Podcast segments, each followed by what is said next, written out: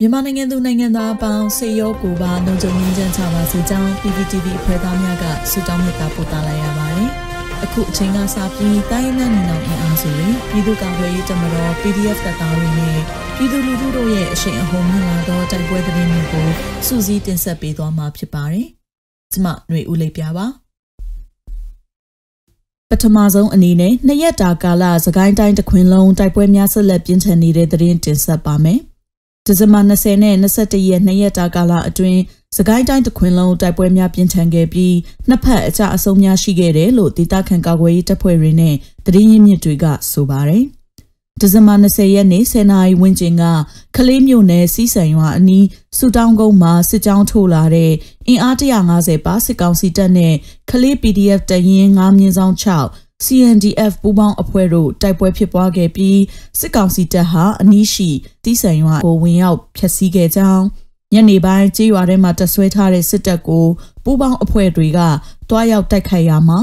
စစ်ကောင်စီဘက်က2ဦးသေခဲ့ပြီးခလေး PDF တရင်6ကရဲဘော်တအူးကြဆုံးပြီး2ဦးဒဏ်ရာရခဲ့တယ်လို့ခလေး PDF ကထုတ်ပြန်ပါတယ်။ ဒီကနေ့လဲခလေးမြို့နယ်ကျေးရွာတချို့ကိုစစ်ကောင်စီတပ်ကစစ်ကြောင်းထိုးလာလို့စစ်ရေးအခြေအနေတင်မာနေပါတယ်။ရေဦးမြို့ရေမြက်ကျေးရွာအနီးမှာလဲဒဇမ20တနေလုံးစစ်ကောင်စီကလေကြောင်းနဲ့တိုက်ခိုက်ခဲ့လို့အ ਨੇ ဆုံးပြည်သူ2ဦးဒဏ်ရာပြင်းထန်စွာရရှိခဲ့ပါတယ်။ဒီကနေ့ဒဇမလ21ရက်နေ့မှာလဲဒဇယ်ဘက်ကိုတက်လာတဲ့စစ်ကောင်စီပြူစောတိအဖွဲ့တွေကိုဒေသခံကာကွယ်ရေးအဖွဲ့တွေကမိုင်းဆွဲတိုက်ခိုက်လို့အထိအခိုက်များတယ်လို့ဒေသခံတွေကဆိုပါတယ်။ မြင်းမူအရာတော်လမ်းမှာလဲစစ်ကောင်စီထောက်ပို့ခါတွေမိုင်းခွဲခံရပြီးစစ်ကောင်စီကားသမားတအူးပြင်းထန်စွာဒဏ်ရာရရှိခဲ့ပါတယ်။မြောင်6ဦးနဲ့ပင်လယ်ဘူးကမ်ဘလူးမြို့နယ်တွေမှာလဲထိတွေ့တိုက်ပွဲတွေနေရအနှံ့ဖြစ်ပေါ်နေပါတယ်။ချင်းတွင်းမြင့်အနောက်ဘက်ကမ်းပလဲနယ်မှာလဲစစ်ကောင်စီစစ်ကြောင်းတွေနဲ့ဒေသခံကာကွယ်ရေးတပ်တွေအကြားစစ်ရေးဆက်လက်တင်းမာနေကြောင်းဒေသသတင်းရင်းမြစ်များထပ်မံသိရှိရပါတယ်။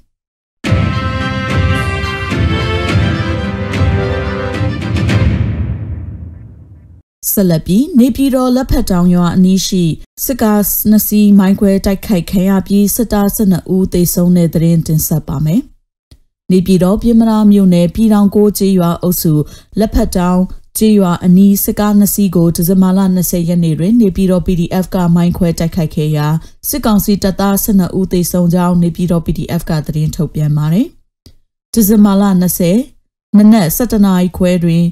နေပြည်တော် စစ်ဒေသခွဲ PDF တရင်800နှင့်တက်ခွဲ9ကမိုင်း9လုံးဖြင့်စိတ်ဖူးတောင်ဘက်မှလာသောစစ်ကားနှစ်စီးကိုတိုက်ခိုက်ခဲ့ကြောင်းရင်းတိုက်ခိုက်မှုကြောင့်အကြမ်းဖက်စစ်ကောင်စီတပ်မှစစ်ကားတစ်စီးကြောက်ထဲကြကစစ်သား12ဦးထပ်မံတေဆုံးပြီး9ဦးဒဏ်ရာပြင်းထန်ကြောင်း NPT PDF ၏ထုတ်ပြန်ချက်တွင်ဖော်ပြထားပါသည်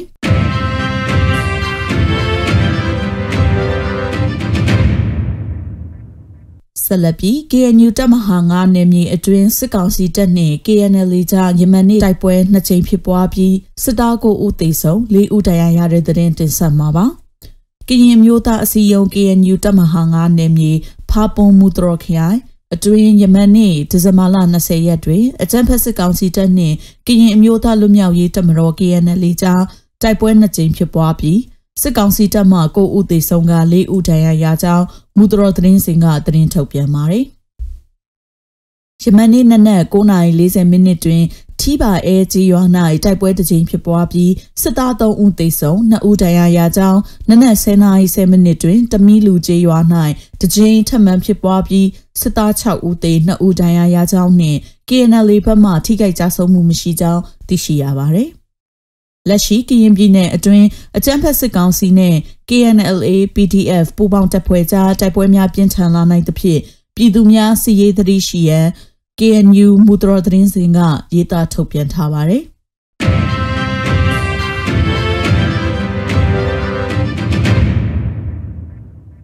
နောက်ဆုံးအနေနဲ့အမျိုးသားညီညွတ်ရေးအစိုးရပြည်ထရေးနဲ့လူမှုမှုကြီးကြပ်ရေးဝန်ကြီးဌာနက ဒီဇင်ဘာလ22ရက်ရက်စွဲနဲ့ထုတ်ပြန်တဲ့ပြည်သူ့ခုခံတော်လှန်စစ်တရင်အချက်လက်တွေကိုတင်ဆက်ပေးသွားမှာပါ။အာနာသိန်းအကြမ်းဖက်စစ်အုပ်စု၏ပြည်သူလူထုအပေါ်အကြမ်းဖက်ဖိနှိပ်ဖန်ဆီးတက်ခတ်ထပ်ပြနေမှုများကိုပြည်သူလူထုတရက်လုံးကအသက်ရှင်သန်ရေးအတွက်မိမိကိုယ်ကိုမိမိခုခံကာကွယ်ပိုင်ခွင့်အရာပြည်သူ့ခန့်စစ် People's Defensive War ကိုဆင်နွှဲလျက်ရှိပါတယ်။တည်င်းချက်လက်များအရာ